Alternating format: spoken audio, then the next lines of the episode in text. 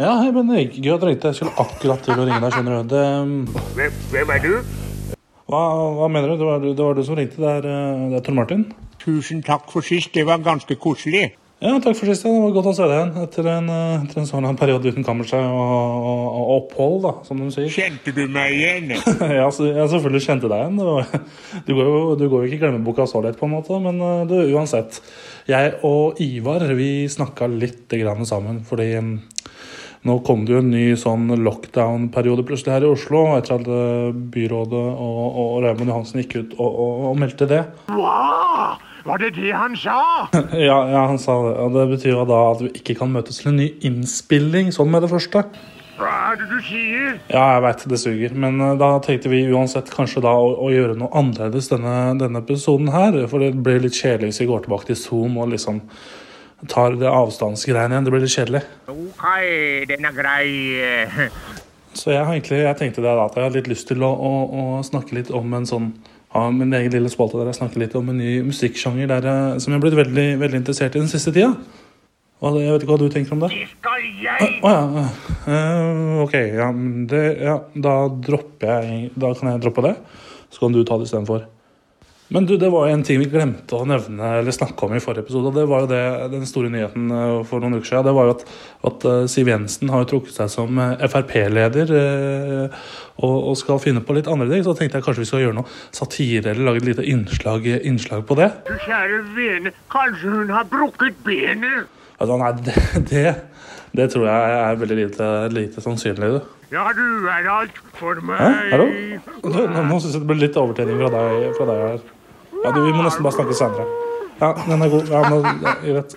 Ja, fint, det. Ja. Hei. Ha det.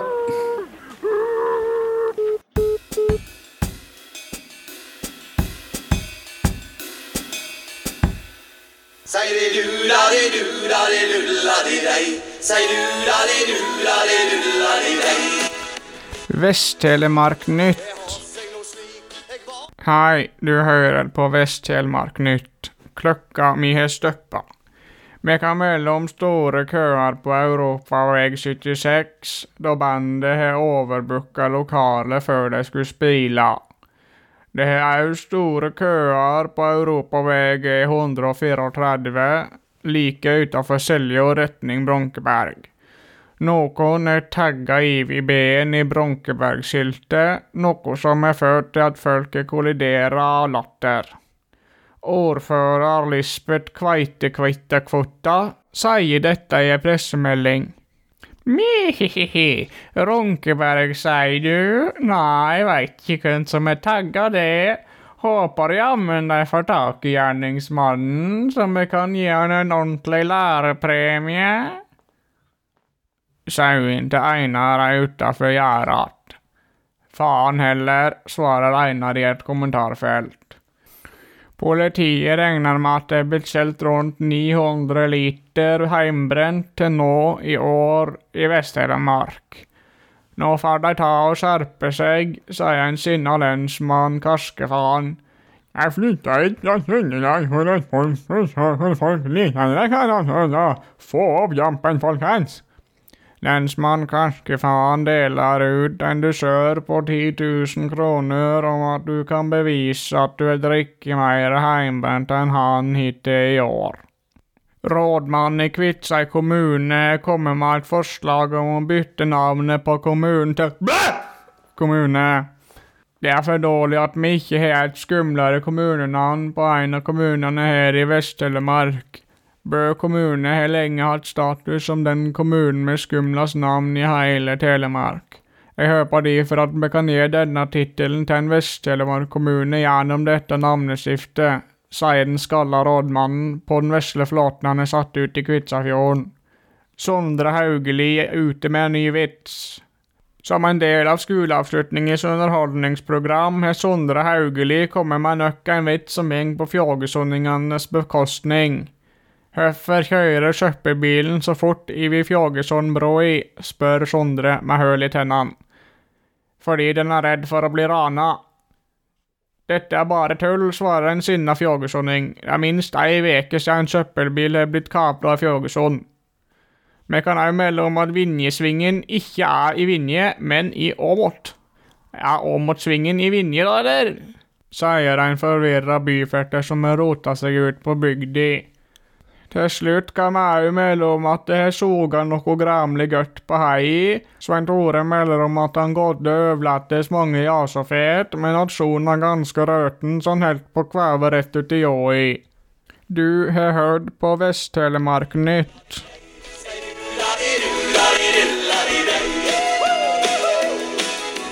Sa nå til meg Hei sann og hopp sann, ja. Da er vi klar for eh, 400 meter eh, hekk. Og vi har en eh, veldig spennende oppstilling her i dag, ja. Vi har eh, Sean Ronny Johnsen på første. Vi har Glenn Glensen på andre. På tredje er Dag Ronny Johnsen. Og vi har Niklas Niklasen på fire. Det er som vanlig den første hekken som er spenningst i løpet her, da. Sier mye for resten av løpet. Så nå står resten av deltakerne på startstreken, og vi venter på startskuddet.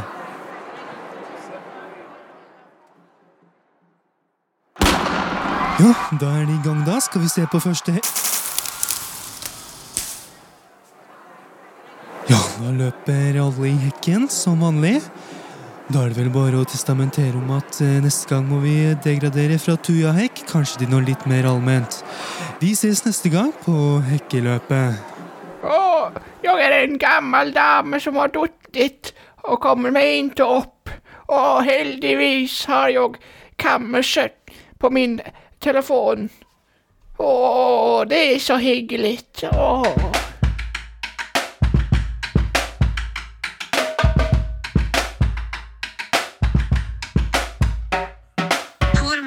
har den siste tiden fått en overflod av jenter og menn spørsmålstegn disse har lyst på han. Han har fått flere meldinger på Fjesbukski.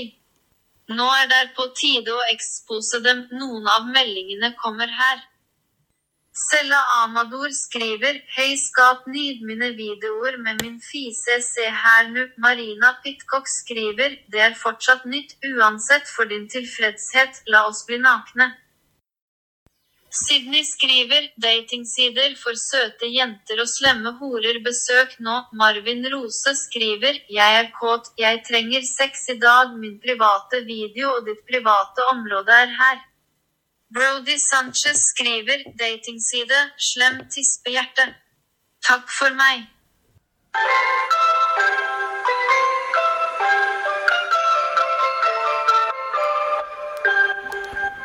Hallo, det er isbilen. Når jeg er ute og kjører på lange turer for å levere is, liker jeg å høre på Kammerset.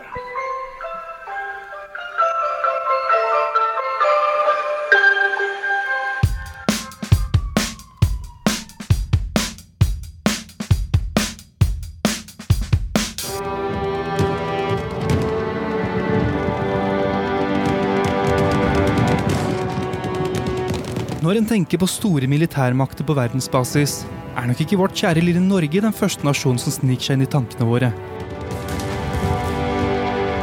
Men selv om Norge ikke har utmerket seg noe særlig innenfor hærføring eller ute på slagmarken i nyere tid, fins det fortsatt mennesker i vårt langstrakte land som har satt livet sitt på spill, slik at vi her hjemme skal kunne leve et fritt liv slik vi gjør i dag.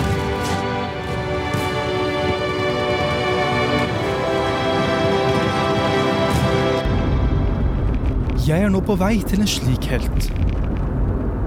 Litt i utkanten av Rakkestad, i Østfold, inne i et skogfelt og i slutten av en grusvei, finner jeg boligen til den tapre soldaten.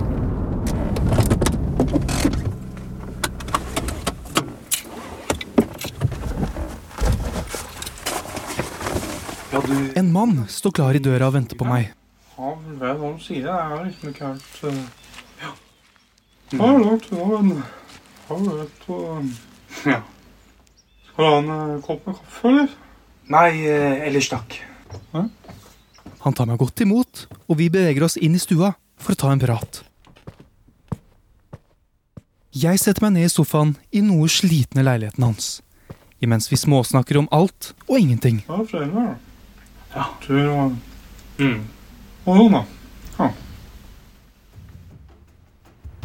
Odd Hugo Ribberull er en 42 år gammel mann fra Elverum, som nå bor inne i en av de mange Østfoldskogene.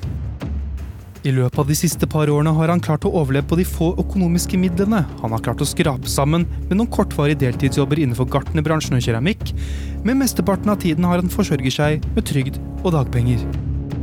Dette står derimot i sterk kontrast til hans tidligere liv, hvor han nesten hver dag måtte sette sitt eget liv til side for å kunne bistå i kampens hete. Odd Hugo er nemlig en av de veteranene vi har flest av her i Norge, men som vi hører minst om. Dessuten, om vi skal tro opplevelsen til Odd Hugo og etterdønningene disse erfaringene har gitt han, er nok dette også en av de mest bortglemte gruppene det norske velferdssystemet rett og slett har glemt, ja. Ja, jeg er jo, er jo krigsveteran, da. Ja, fra hvilken krig da? Øh, ja, fra priskrigen. Odd Hugo var i mange år soldat i de mange kjente priskrigene. Og selv om de aller fleste av oss har et visst forhold til disse konfliktene, forteller nå Odd Hugo hvordan livet som tapper kriger var i førstelinjen. Åh, uff, det var, det var forferdelig, vet du. Mm. Var jo, var jo jeg, vet du. Den der under Smågårdkrigen. Ja. ja. Og jeg sa at når ei åtte år gammel jente setter og melketenner i høyrehånda fordi det ikke er sånn karamellført skjem Ja, det kan knekke den barskeste mann, altså. Ja, hva, hva gjorde du da? Kjefta du på henne og kanskje fikk ut av butikken, eller? Nei, Nei, hva da? eh, jeg gråt. Odd Hugo har også flere traumatiske historier fra andre kriger. Han minnes en kald desemberkveld for et par år siden, hvor han virkelig bestemte seg for at hans karriere som soldat var over. Ja, det var denne gangen som det var priskrig. Eller bare krig. Så vi kaller det. På julemat. Og jeg er jo egentlig glad for jul, jeg, så er ikke det. Men jeg har uh, gleda hele dagen på å få noe godt i posen. Og så, og så kommer du på butikken, og så står det to, ha, halvfeite kjerringer. Og da i hver sin ende av en pakke med Fjordland riskrem. Og det er svidd inn på netthinna mi, ass. Hva gjorde du når du oppdaget at det ikke var mer riskrem igjen? Nei, eh, det var en tung tid. Det var jo det. Og det ble jo omtrent litt av vanilje som en gløgg, da. Som vi tydelig skjønner, lever Odd Hugo med sterke senvirkninger etter hans tid i krigen. Og selv om han klarer seg helt ok i tiden etter soldatlivet, mener han nå at nok er nok, og søker nå kompensasjon. Odd Hugo har stilt krav til staten, men vi her i kammerset er usikre på om noen som helst av instansene i det offentlige vil ta han seriøst. 169 millioner utbetalt til lakrispiper for et generelt smågodt. Ja. Ja. Litt sånn det er tann for tann og det der. Og med det er mitt besøk hos Odd Hugo Ribberull over for denne gang. Så da gjenstår det bare å se om staten sponser Ribberullens ønske om å sutte på noe lakriskaft så lenge leppene hans holder.